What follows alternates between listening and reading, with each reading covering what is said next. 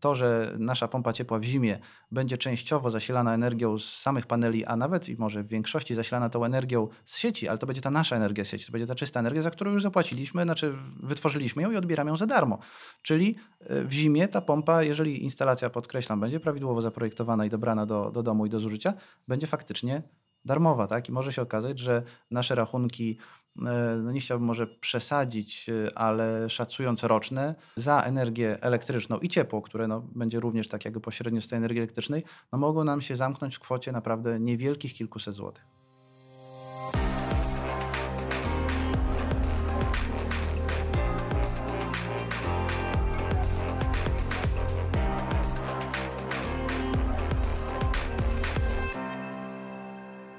Zielony Podcast Krzysiek Grzyman, dzień dobry. Dzisiaj gościem jest Paweł Sulima, koordynator ruchu Więcej niż Energia ze Związku Stowarzyszeń Polska Zielona Sieć. Dzień dobry. Dzień dobry wszystkim. A dzisiaj bardzo ciekawy temat, czyli jak przejść na zieloną stronę mocy. Polska energetyka w ponad 80% oparta jest o węgiel, tymczasem my, konsumenci, możemy na tę zieloną stronę przejść. Pytanie jak? Nie jest to wcale aż takie trudne, ponieważ należy przede wszystkim rozgraniczyć to, owszem, nasza energetyka, nasz, że tak powiem, prąd w gniazdku, bo to tak y, dla, dla tego końcowego odbiorcy, dla nas to jest y, taki najistotniejszy aspekt, jest e, faktycznie w około 80% powstaje z węgla. Natomiast dzisiaj, no w zasadzie to można powiedzieć, że jest to, jest to ostatnie lata, jest już możliwe i opłacalne zainwestowanie we własną energetykę, uczynienie się samowystarczalnym energetycznie, czyli zainwestowanie w na przykład fotowoltykę, która dzisiaj jest no, najpopularniejszym wyborem dla, dla indywidualnych użytkowników. Oczywiście mhm. zastrzeżenie niestety jeszcze jest takie, że mowa jest o domach jednorodzinnych albo no, tak zwanych czy bliźniakach, czy, czy, czy, czy segmentach, natomiast nie budynkach w mieście. E, obecnie jeszcze prawo na to nie pozwala, natomiast wiemy, że Ministerstwo obecnie rozwoju z panią ministrem Milewicz pracuje intensywnie na tym. E, jako Ruch Więcej niż Energia w, na jednej z, z organizowanych przez nas konferencji usłyszeliśmy taką obietnicę, że do końca roku powinien być przedstawiony projekt nowelizacji e, ustawy o odnawialnych źródłach energii, który będzie właśnie umożliwiał zainwestowanie w odnawialne źródła energii również wspólnotom mieszkaniowym i, i tu jest właśnie to, ten, ten kluczyk, ten, ten języczek uwagi, rozliczanie się w schemacie prosumenckim. To jest e, taki mm, wynalazek, który powstał jakiś czas temu, natomiast w praktyce nie rozwinął się. Ostatnia nowelizacja ustawy OZE pozwoliła e, obecnie rozliczać się w tym schemacie zarówno e, właścicielom domów jednorodzinnych, przedsiębiorcom i również samorządom. Jednym zdaniem, na czym on polega? Właśnie chciałem zapytać, czym jest w ogóle prosument, bo to połączenie producenta i konsumenta. Dokładnie tak. To mm, prosument jest to, jest to podmiot, jest to mm, przeważnie indywidualny inwestor, który mając, y, no, mówiąc wprost, na swoim dachu źródło energii odnawialnej, czyli instalację fotowoltaiczną, jednocześnie produkuje, wytwarza tą energię elektryczną, konsumuje część E, na własne potrzeby. No i tutaj właśnie e, był ten problem, e, ponieważ no wiadomo, że w cyklu, w cyklu dobowym, jeżeli w dzień produkujemy tę energię, najczęściej wtedy jesteśmy w pracy, więc nie zużywamy tego prądu, chcemy go zużyć wieczorem, kiedy już jest ciemno, kiedy słońce nie świeci, ta energia nie jest wytwarzana i co zrobić? No oczywiście w, jednym, w jeden sposób to był zmagazynować, ale magazyny energii do tej pory, ich ceny cały czas bardzo, bardzo istotnie spadają, natomiast no, dotychczas nie były na szerszą skalę wykorzystywane. I tutaj pomogła nowelizacja ustawy OZE, która pozwoliła na takie, można powiedzieć, magazynowanie tej energii w sieci, czyli oddawanie e, tych nadwyżek energii, które nie są w danym momencie e, wykorzystane, spożytkowane w domu i odbieranie ich z powrotem z sieci e, w momencie, kiedy będziemy tej energii potrzebowali, a nasza instalacja nie będzie w tym momencie wytwarzała odpowiedniej ilości prądu. No oczywiście nie jest to niestety jeszcze, ponieważ takie projekty też już, już są, w stosunku 1 do 1, czyli że do sieci na przykład wpuścimy 10 kWh energii i będziemy mogli sobie 10 naszej energii za darmo odebrać. Obecnie jest to dla y, mikroinstalacji takich y, domowych y, stosunek 0,8 jest ten współczynnik, czyli... Prowizję pobiera. No tak, dokładnie, około 20%. System. W przypadku większych instalacji jest to nawet 30%. Także dzisiaj jest to możliwe. Dzisiaj możemy się uniezależniać od sieci, a w przypadku, jeżeli ktoś chciałby, miałby możliwość zainwestować trochę więcej pieniędzy, to również możemy się w praktyce od tej sieci no, w zasadzie uniezależnić. No właśnie, w, w praktyce to powiedzmy, jeżeli chciałbym mieć zieloną energię, mam domek jednorodzinny, to w zasadzie mogę mieć głównie fotowoltaikę, Chociaż jak spojrzymy na miks energetyczny, to akurat najwięcej zielonej energii w Polsce mamy z wiatraków, no ale wiatraki to wiadomo duże instalacje, nie dla indywidualnego przynajmniej e, na razie odbiorcy czy też e, producenta. Jak wygląda instalowanie e, paneli fotowoltaicznych? Swoją drogą bardzo często w internecie można znaleźć bardzo, bardzo różną zapis słowa fotowoltaika. Jest fotowoltanika, Tak, fotowoltanika występuje i może nawet ją nawet na memy są z tym związane. E, Tak, na konferencjach natomiast e, to od razu można sprostować fotowoltaika. To Tak. jest jedyne prawidłowe Tak e, jest, tak nazwa tak dla jest, tej instalacji. Tak jest, tak. To, to, to jak to wygląda z instalacją e, fotowoltaiczną? E, Ile to kosztuje? Ile mocy trzeba zainstalować w przypadku takiego domku jednorodzinnego i na jakie wsparcie od państwa można liczyć? Ja może tylko jednym zdaniem się odniosę do tych wiatraków, ponieważ faktycznie duże wiatraki dla indywidualnych, dla, dla domów to, to mm, nie jest dobre rozwiązanie, ale możliwe jest zainstalowanie niewielkich wiatraków o mniejszych mocach, czy wiatraków tak zwanych w pionowej osi. Nie chcę teraz się na A ten się, temat... a to się dzieje? Praktyce nie. W praktyce nie. One są dostępne, natomiast y, zupełnie mm, obecnie, może tak powiem statystycznie, przeszło 99% instalacji to są instalacje fotowoltaiczne, y, jeżeli chodzi o te instalacje na, na dachach domów jednorodzinnych.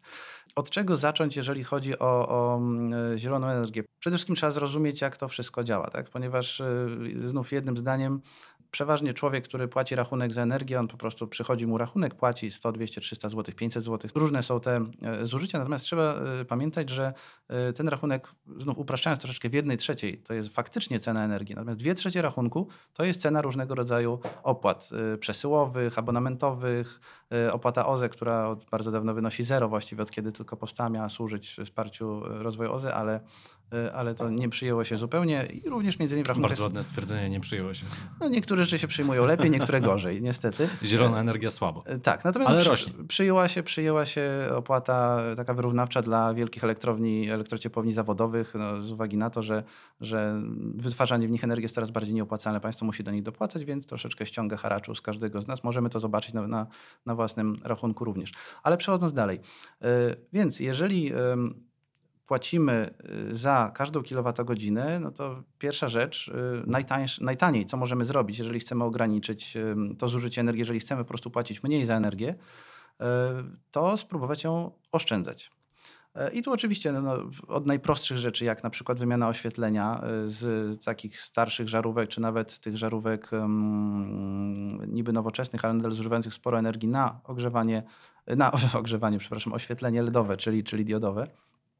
To są zauważalne, to są, no, wielokrotnie robiliśmy różnego rodzaju pomiary i to rzeczywiście, e, owszem, to, no, wiadomo, że nie, nie oszczędzimy w ten sposób, nie wiem, 50 czy 70% energii elektrycznej, ale to są ilości zauważalne już na rachunku.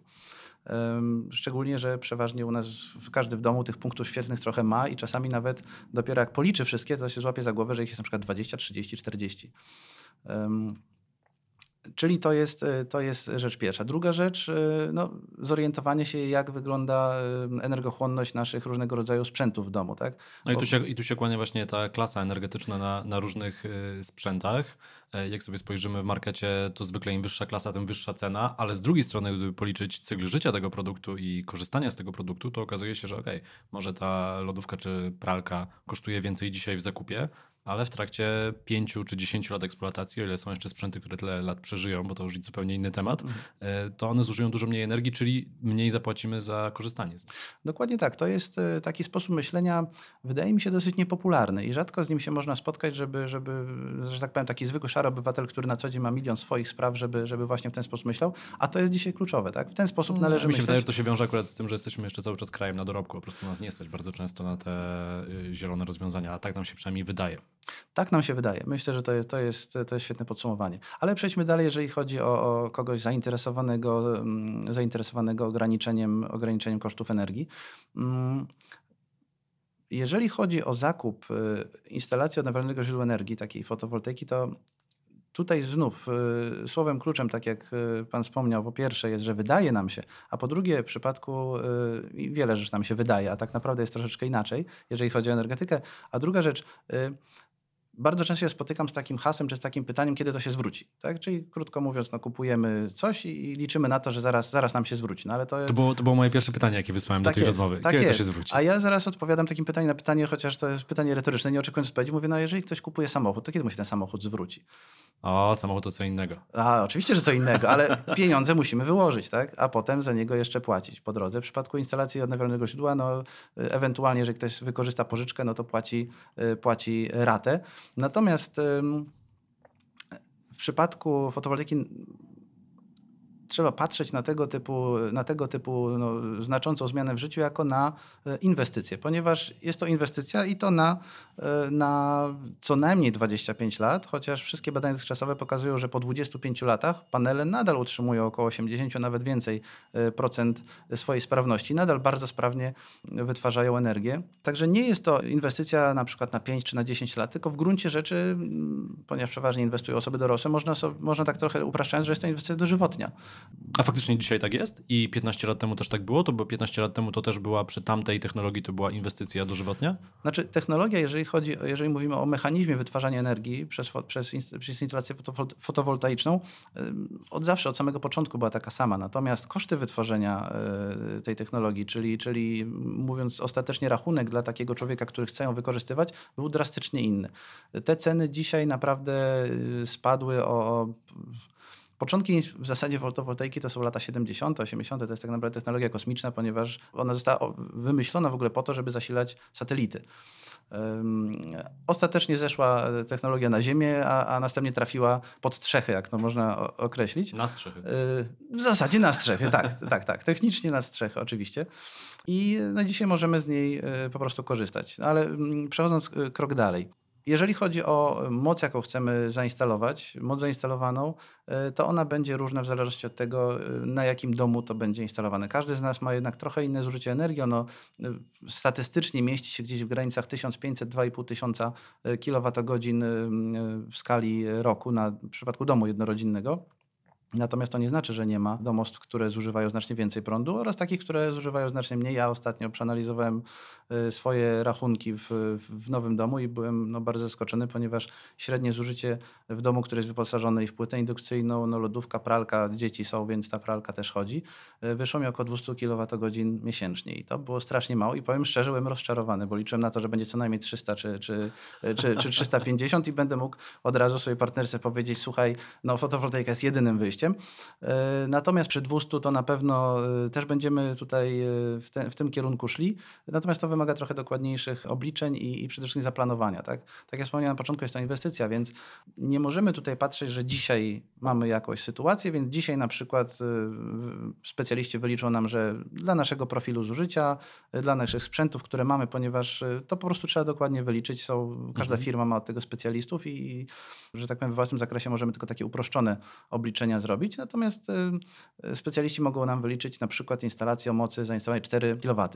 Natomiast y, należy również zastanowić się, czy na przykład za lat 5 czy za 10 nie będziemy rozważać zakupu elektrycznego samochodu i ładowania go w domu, ponieważ instalacja fotowoltaiczna jest świetnym źródłem energii również dla pojazdów, czy no, i, no, hulajnoga to może jest coś takiego drobnego, co można ze zwykłego gniazdka zainstalować. Natomiast ładowarka do samochodów elektrycznych, no to już wymaga trochę więcej mocy, a te ceny, chociaż dzisiaj jeszcze są bardzo wysokie, to też spadają odnawialne źródła energii, wytwarzanie ich na własne potrzeby, takie no, coraz dalej idące uniezależnianie się od sieci, no to jest pewien model, który, który on w tym momencie wchodzi, on, on, on jest coraz bardziej popularny. No, jako ciekawostkę mogę powiedzieć, że mamy według oficjalnych raportów no, około 110 tysięcy takich mikroinstalacji w Polsce i ich bardzo dynamiczny przyrost. Natomiast ten model się rozwija. Te ceny, tak jak samochodów elektrycznych, będą spadać, więc trzeba się zastanowić, czy na przykład, nawet jeżeli nie będziemy instalowali już obecnie tej mocy takiej, która nam pozwoli ładować samochód, to na przykład nie zostawić na dachu trochę więcej miejsca. Mhm. Nie przystosować e, inwertera, takiego serca instalacji, sterującej całą instalacją i, i zmieniającej prąd z, z, z paneli na prąd zmienny, który można załadować potem do sieci, nie przygotować go na tą trochę większą moc, ponieważ to są też elementy, które, które ich cykl życia to jest około 15 lat. Czyli biorąc pod uwagę takie przeciętne, ja wiem, że to jest najgorsze pytanie, ale jednak każdy się pewnie teraz zastanawia, to jaki jest koszt tej instalacji? Bo dopłata z programu Mój Prąd, y, który oferuje nam państwo, a jest realizowana przez Narodowy Fundusz Ochrony Środowiska, to jest 5000 zł. Y, Znaczy, jest to w zasadzie górna granica, natomiast y, cały program jest tak skonstruowany, te wszystkie definicje, że faktycznie nie da się dostać poniżej 5000 zł. Także każdy, kto będzie instalował y, taką już y, y, instalację tam powyżej 3 kW mocy, to po prostu łapie się na te 5000. A taka instalacja 3-4 kW, jaki to jest koszt? Mniej więcej? Przy, y, rząd wielkości to jest około 20 tysięcy, 25 tysięcy złotych. My robiliśmy takie wyliczenia dla instalacji 4,5 kW i y, ja znów się posłużę tym, tym y, porównaniem do samochodu. No też ktoś może będzie kupiłem samochód i wydał 10 tysięcy, a ktoś powie kupiłem samochód, wydał 100 tysięcy. Przy instalacjach fotowoltaicznych aż takiej rozpiętości nie ma. Natomiast można przyjąć, że instalacja taka dla typowego domu jednorodzinnego, te 4,5 kW będzie kosztowała na przykład 25 tysięcy. Znów to może być 3-4 tysiące więcej w to, czy, czy może i, i, i 3-4 tysiące mniej, w zależności od komponentów, których użyjemy, w zależności od tego, jak, że tak powiem właśnie, czy będziemy chcieli bardziej zainwestować w taką średnią półkę, czy wyższą półkę. To jest również e, indywidualna sprawa. Od tego możemy sobie odciąć 5000 zł. Yy, tak, właśnie chciałem o tym powiedzieć. Od tego odcinamy 5000, to jest jedna rzecz, ale również yy, możemy wykorzystać ulgę termomodernizacyjną, czyli od podstawy opodatkowania odpisać sobie do 53 tysięcy złotych. Yy, Czyli w praktyce w przypadku instalacji fotowoltaicznej, która no, tych 53 tysięcy raczej nie będzie na średnim takim domu mm, kosztowała, to jest kolejne 5 tysięcy.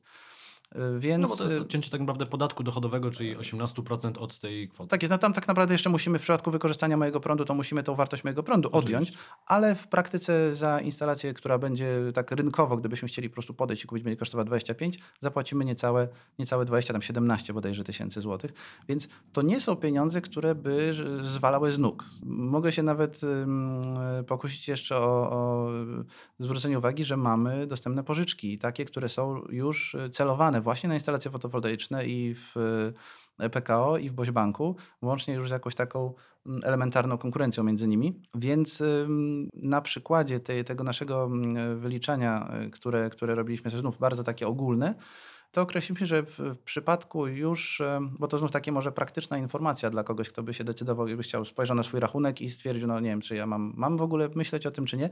Jeżeli e, opłaty za rachunek e, zaczynają się gdzieś około 200 zł, za, za energię elektryczną, można spokojnie tą fotowoltaikę e, rozpatrywać na swój dom, na swój dach. E, I e, rzecz dodatkowa, jest możliwe takie skonstruowanie tego, że tak powiem, modelu biznesowego, żeby znów kolejne, już po zainstalowaniu tej fotowoltaiki, po, po, po, instalacji oraz po zawarciu umowy z bankiem, nasza rata miesięczna, włącznie z tym rachunkiem za prąd, bo jednak nawet przy, przy idealnym za- zaprojektowaniu instalacji zawsze jakiś minimalny rachunek za prąd będziemy płacili. E, No nawet opłaty stałe trzeba zapłacić. tak, nie przekraczała y, wartości naszych rachunków wcześniej, tak? Czyli znów mieściła się, na przykład płaciliśmy rachunki za prąd 200 zł, a teraz mamy instalację fotowoltaiczną i płacimy około 200 zł raty do banku, albo nawet mniej. Y, A na rachun- koniec to spłacimy i wtedy już rachunek nam spadnie zupełnie to jest też bardzo, istotna niskiego sprawa, ponieważ ja mówię o pożyczkach na y, około 10 lat, a instalacja, tak jak wspomniałem wcześniej, to jest jej cykl życia to jest 20-25 i zapewne dłużej. Natomiast można oczekiwać również takiego rozwoju sytuacji. Jest to bardzo prawdopodobne, że mm, będziemy robili to, co dzisiaj robią Niemcy, którzy w tą fotowoltaikę weszli znacznie wcześniej, czyli oni po prostu wymieniają sobie instalacje na dachach z tych starszych, mniej efektywnych na nowsze, bardziej efektywne, które dają nam więcej y, energii. Tego należy oczekiwać e, również u nas, więc ja myślę, że tak naprawdę rzadko która instalacja na polskim dachu te 25 lat wytrzyma. Ale nie dlatego, że, że się zepsuje, tylko dlatego, że zostaje wymieniona na nowszą. Swoją drogą, pewnie gdyby Narodowy Fundusz Ochrony Środowiska y, dogadał się z firmami energetycznymi i to one proponowały tym klientom, co oczywiście nie jest do końca w ich interesie na razie, y, że one proponowałyby taki produkt, słuchaj, to my ci zainstalujemy te panele, ty nam je spłacisz w ciągu 10 lat i nie będzie tej całej administracji i tych wszystkich formalności, to pewnie ten program by bardzo, bardzo przyspieszył. To już jest. Firmy, firmy, firmy energetyczne już to oferują. Z tego co wiem, Tauron ma to już w swojej ofercie dla klientów indywidualnych i nawet, co ciekawe, ym, PGNiG e, czyli Polskie Górnictwo Naftowe i Gazownictwo, które również oferuje taką usługę jak, jak e, szoku, dwie sprzedaż, sprzedaż prądu. Tak. E, Ja akurat właśnie z ich usług korzystam, stąd jestem mniej więcej w, zainteresowany, jak to wygląda. Mają w tym momencie już ofertę Muszę dla... przyznać, że dość słabo to reklamują, bo E, Zdecydowanie tak. Na stronie można znaleźć informacje, znaczy inaczej, jeżeli chodzi akurat o Taurona, to, no, to jest inny rejon, tak? To nie jest ten rejon No, to warszawski, w którym, którym, tak, którym e, ja funkcjonuję na co dzień. E, Natomiast PGNiG ma na, na stronie, można znaleźć ofertę dla przedsiębiorców, e, którzy, tak jak wspomniałem wcześniej, po nowelizacji również mogą w tym systemie prosumenckim, również mogą, e, m, że tak powiem, korzystać z sieci jako takiego, powiedzmy, swego rodzaju magazynu energii i potem odbierać tą energię, którą wcześniej tam włożyli. Natomiast oferta dla klientów indywidualnych będzie w pierwszym kwartale przyszłego roku. A jak to jest y, ze sprawnością i, z ilością energii, którą wyprodukujemy z tych paneli fotowoltaicznych w ciągu roku? Jak to się zmienia? Wiemy, ile trwa dzień latem, ile trwa dzień zimą. To znaczy, w, jeżeli chodzi o instalację fotowoltaiczną i również ten mechanizm prosumenta, to mm, należy to rozpatrywać w cyklu rocznym. I, i, I w ten sposób na to patrzeć, że to, że dzisiaj na przykład moja instalacja. Czyli e, koniecznie muszę być tak naprawdę prosumentem, y, wejdę na chwilę w słowo, czyli muszę latem odsprzedawać te, To te znaczy, nadwyżki. e, Nie jest to sprzedawanie, absolutnie. To my z tą, tą energię my wyłącznie, mając umowę pro, prosumencką, No mówię w cudzysłowie odsprzedawać tak naprawdę, bo jest pobierana ta prowizja 20%. No to jest to tak, jest to haracz, ale tutaj o sprzedawanie nie ma. O sprzedawanie kojarzy, kojarzy się z jakąś korzyścią dla, dla e, tego wytwórcy, natomiast tutaj No, zarabiam pomniejszone o, o 20%. oszczędzamy, tak, tak, oszczędzamy. Z tym się, z tym się zgodzę, że jest to, jest to oszczędność i, i, jest to oszczędność bardzo, no coraz, coraz ciekawsza.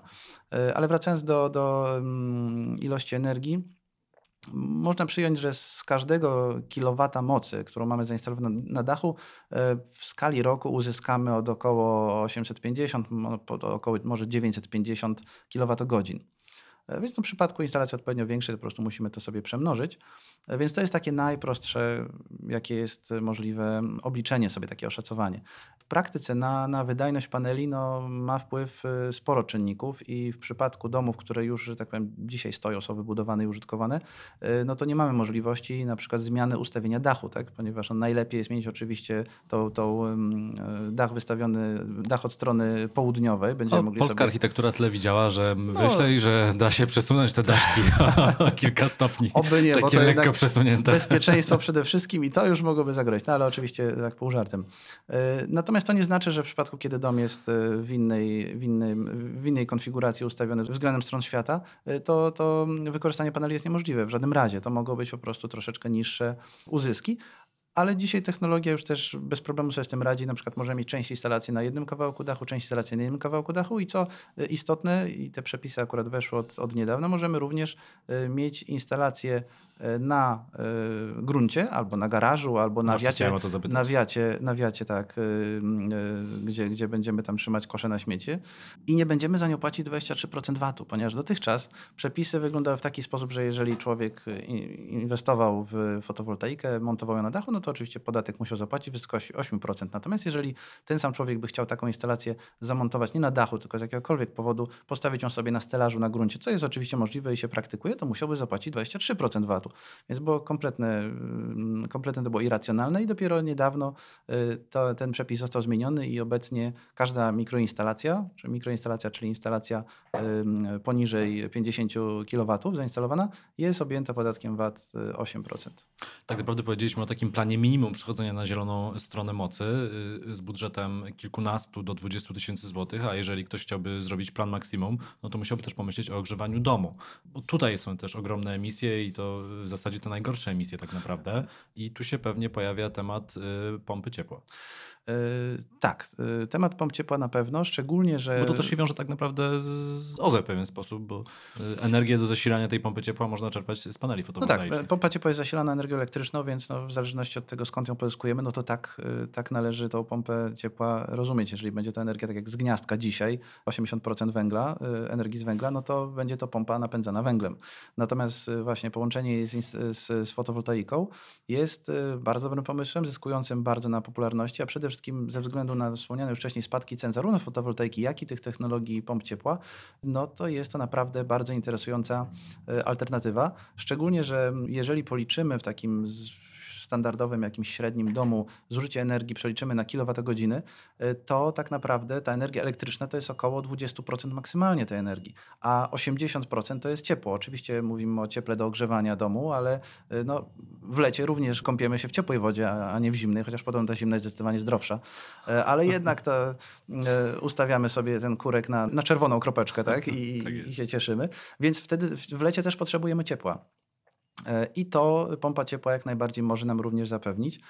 W momencie, kiedy, kiedy zasilanie pompy ciepła, która wymaga tylko energii elektrycznej, jest z instalacji fotowoltaicznej, y, która no, znów samo wytwarzanie nie kosztuje nas y, nic. Oczywiście być może ekonomista by mnie tutaj zrugał, bo przecież amortyzacja, bo przecież zwroty nie wiadomo co, no ale generalnie tak mówimy o tym, że słońce świeci za darmo, instalacja pracuje.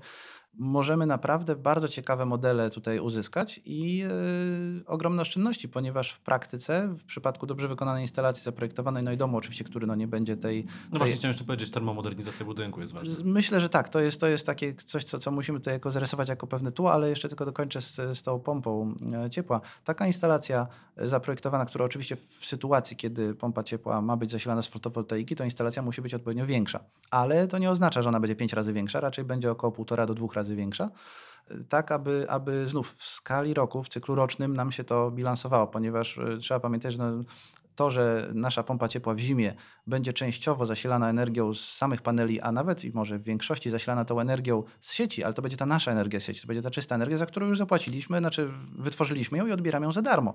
Czyli e, w zimie ta pompa, jeżeli instalacja, podkreślam, będzie prawidłowo zaprojektowana i dobrana do, do domu i do zużycia, będzie faktycznie darmowa, tak? I może się okazać, że nasze rachunki, e, no nie chciałbym może przesadzić, e, ale szacując roczne, e, za energię elektryczną i ciepło, które no, będzie również tak jakby pośrednio z tej energii elektrycznej, no mogą nam się zamknąć w kwocie naprawdę niewielkich kilkuset złotych. Jestem w szoku, ale widziałem ostatnio takie wyliczenia, więc muszę przyznać, że to jest y, możliwe. Jak sobie o tym myślę i ile jest dzisiaj instalacji fotowoltaicznych w Polsce, a ile byśmy chcieli mieć, to na pewno jest to ogromne wyzwanie dla całego systemu y, energetycznego i dla bezpieczeństwa energetycznego y, kraju, bo jak będziemy mieli nagle dużo tych prosumentów, którzy będą w te słoneczniejsze miesiące oddawali dużo energii, a później pobierali zimą, no wiadomo, że to wymaga pewnego dostosowania systemu, ale może to zostawmy, bo to temat na zupełnie inną rozmowę. To, to jest skomplikowane, zdecydowanie bardzo skomplikowane, natomiast paradoksalnie akurat fotowoltaika w, ty, w tym okresie letnim jest bardzo chętnie przyjmowana, bardzo chętnie wspierana przez również tych dużych graczy, ponieważ no, mamy, piki mamy deficyty, wtedy. tak, mamy hmm. deficyty energii y, i, i to, to, to, nie wygląda aż tak, aż tak dobrze, jak czasami możemy usłyszeć w rządzie, że jest wszystko świetnie. Y, natomiast właśnie piki i przede wszystkim upowszechnienie się klimatyzacji, która też ogromnej ilości energii potrzebuje, no wykorzystywanej oczywiście w lecie, no i wtedy, kiedy właśnie że tak powiem, pracuje na, na pełnych obrotach fotowoltaika. Tak? Więc ta fotowoltaika uzupełnia nam trochę te deficyty, e, no, zwiększa bezpieczeństwo, krótko mówiąc. Tak? Szczególnie w właśnie w, w, miesiącach tych letnich. Natomiast faktycznie e, nie rozchodźmy tutaj się za bardzo, bo to jest naprawdę e, ogromna ilość wątków splatających się ze sobą, więc musielibyśmy pewnie mieć pięć razy więcej czasu. E, to jeszcze jedno pytanie, wydaje mi się bardzo ciekawe, a propos magazynowania energii. Ja pamiętam, to już ze dwa lata temu widziałem, jak Elon Musk prezentował kolejny model Tesla i pokazał też, że baterie na przykład ze starszych modeli można wykorzystywać jako przydomowe mm, magazyny energii, a te baterie z czasem, te samochodowe baterie z czasem tracą trochę sprawności, ale w przypadku takiego magazynowania energii przy domu to nie ma podobno aż takiego znaczenia. Wiem też, że w Niemczech zdaje się niemieckie koleje wykorzystywały akurat akumulatory, które jeździły w jakichś takich próbnych wersjach elektrycznych BMW jeszcze hmm. pierwszych przed kilku lat i oni też, oni chyba akurat odzyskiwali, nie wiem czy ta energia pochodziła z, z hamowania pociągu, już nieważne skąd, ale też wykorzystywali te stare baterie do magazynowania. A jak to wygląda w przypadku y, takich instalacji w Polsce? Można sobie zbudować taki bank? E, jak najbardziej tak. Tak, dzisiaj nic nie stoi na przeszkodzie. Wszystko jest kwestią pieniędzy tak naprawdę. Przy czym to, co wspomniałem wcześniej, o ile jeszcze kilka lat temu, czy no kilkanaście, te, te koszty były bardzo, bardzo wysokie, dzisiaj te koszty bardzo, bardzo intensywnie spadają i to są, to są spadki rok do roku w kosztach akumulatorów o kilkanaście procent, tak? rok do roku, więc to są, to są niesamowite spadki. Technologia technologia się bardzo rozwija. Natomiast to, co też e, wspominałem, że zmienia się w ogóle model. Tak naprawdę akumulatory to też jakby połączenie, bliższe połączenie domu z pojazdem, tak? ponieważ dotychczas takim modelem, który każdy z nas zna, no to jest dom, tak? który zasilamy z energetyki, która też jest gdzieś z zewnątrz, czyli mamy energetykę, to jest jedno pole, dom to jest drugie pole, no i mamy transport, nasz samochód, tak, przeważnie jeden, czy no dzisiaj nawet i więcej, który jest zupełnie też oddzielnym trzecim polem. W przypadku, kiedy, e, kiedy zaczynamy inwestować w fotowoltaikę, e, która jest naszą energetyką, to w zasadzie to pole, jedno z tych pól, czyli energetyka, wytwarzanie energii poza domem, no odpada, tak? E, jeżeli zainwestujemy, możemy sobie wyobrazić za te no, powiedzmy kilka lat, zainwestowanie w elektryczny samochód, to znów to oddzielne pole pod tytułem nasz samochód też odchodzi, a w zasadzie łączy się z tym naszym domem. I w tym momencie te kilka pól, które dotychczas, no w zasadzie od zawsze, były zupełnie oddzielnymi elementami, nagle okazuje się, że łączą się w jeden ekosystem, który w dodatku my zarządzamy, bo to jest nasza energia, nasza instalacja yy, i mamy nad nią pełną kontrolę. Możemy oszczędzać, wtedy to zobaczymy. Możemy być rozrzutni, wtedy też to zobaczymy bardzo sprawnie, ale to będzie nasza odpowiedzialność i mnie się szczerze mówiąc to e, bardzo podoba. Ale przechodząc do, do sedna, jeżeli chodzi o magazynowanie energii, e, oczywiście tak, e, ponieważ inwestując w taki akumulator, taki magazyn energii, no odpada nam ten, co ja nazywam tak może nie do końca elegancko, haraczem dla, dla spółki energetycznej, która no, od tej naszej energii, którą my wprowadzamy do sieci i chcemy ją potem z powrotem odebrać, odcina nam 20%. W przypadku, kiedy ten magazyn mamy tutaj u siebie gdzieś, czy, czy, czy w domu, czy, czy w piwnicy, no to te 20% zostaje u nas. To też jest konkretna oszczędność, natomiast no, to też wymaga po prostu wyliczeń. Czy ma to, ma to w dzisiejszych warunkach sens? Mm, więc o ile uważam, że to jest bardzo ciekawa propozycja i należy ją wziąć pod uwagę, tak samo jak zresztą pompę ciepła wspomnianą wcześniej, to trzeba to po prostu prawidłowo dobrze wyliczyć i, i warto tutaj zasięgnąć opinii specjalistów, którzy no, po prostu mają w tym doświadczenie. Tak? To na koniec mam jeszcze tylko jedno pytanie. To dlaczego, skoro to wszystko ma tak duży sens i można e, w Excelu udowodnić rację, dlaczego w Polsce ta energetyka zielona rozwija się tak powoli, a energetyka węglowa, no ostatnich tygodniach może widzimy, że coś się chyba zmienia. No, może nie będzie kolejnego bloku węglowego w Ostrołęce za 6 miliardów czy za 9 miliardów złotych, zależy od wyliczeń. Czy to lobby węglowe jest w Polsce tak silne, że ono blokuje te zielone projekty? Czy może te zielone projekty przez to, że one są rozproszone, brakuje im trochę takiego ambasadora albo takiego lobbysty, który by je przepychał mocniej y, tam na szczytach? Lobbystą y, projektów y, odnawialnych już od kilku lat to jest po prostu ekonomia. Y, I oczywiście. Ale widać w Polsce opornie to idzie. Jak wiadomo, jest coś takiego, istnieje już od lat jak kreatywna księgowość, która pozwala niektóre elementy wliczać, a niektóre nie wliczać.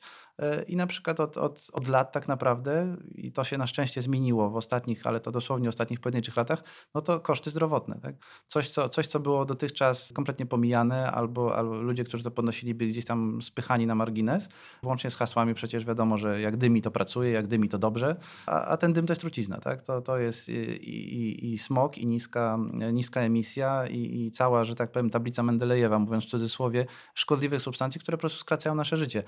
W przypadku energetyki odnawialnej tego typu, tego, tego typu kwestie nie istnieją. Ona jest po prostu zdrowsza. To są technologie bezemisyjne, takie, które no, wydłużają nasze życie, poprawiają jakość tego życia. I to też z jednej strony nie można pomylić, a z drugiej strony no, ciężko to przeliczyć na pieniądze, tak? no bo wiadomo, że życie jest bezcenne. E, a jednak, tak? a jednak energetyka no, bez, bez specjalnych skrupułów po prostu e, nas truła. No, a ja oczywiście zdaję sobie sprawę, że to, co też należy podkreślić, że to, co najbardziej nastruje, ten smog, tak? on y, tylko częściowo ma, y, zresztą w niewielkiej części ma coś bezpośrednio y, styczność z, z wielką energetyką, tak? ponieważ te wielkie zakłady, one podlegają określonym przepisom, one, y, one muszą mieć określone filtry, zużywać jakieś powietrze. Nie znaczy, że one nie trują. Tam też jest y, od, od, od pyłów, rtęci, metali ciężkich i różnych innych ciekawych substancji, ale nie można tutaj pomijać zupełnie tego aspektu, że w momencie, kiedy cały czas y, rząd, y, że tak powiem, popycha tą energetykę węglową, która no jest naszym, opinii niektórych osób przynajmniej, jedynym zapleczem, jedynym sposobem na zapewnienie bezpieczeństwa energetycznego, no to też popycha cały przemysł wydobywczy. Jak po przemysł wydobywczy, no to również te wszystkie sortymenty węgla, które idą do Y, kotów, tych domowych kotów, tych, które potem właśnie przeważnie mm, w większym stopniu po prostu trują, tak? które są spalane już zupełnie pod innymi przepisami w innych warunkach. Znów, to też się, to też się zmienia, ale no, nie, można, nie można pominąć faktu, że tak naprawdę te zmiany, jeżeli chodzi o, o, o kopciuchy i piece, to są ostatnie 2-3 lata. No, zobaczymy, co będzie za 2-3 lata. Zobaczymy, jak się sprawy potoczą. Wydaje się, że będą szły w dobrym kierunku, ale to nie tylko ze względu na to, e, co się dzieje w Polsce, ale bardziej ze względu na to, co się dzieje w Unii Europejskiej. Paweł Sulima, koordynator ruchu Więcej niż Energia ze Związku Stowarzyszeń Polska Zielona Sieć. Bardzo dziękuję za rozmowę. Dziękuję serdecznie. Krzysiek Grzyman, Zielony Podcast. Do usłyszenia.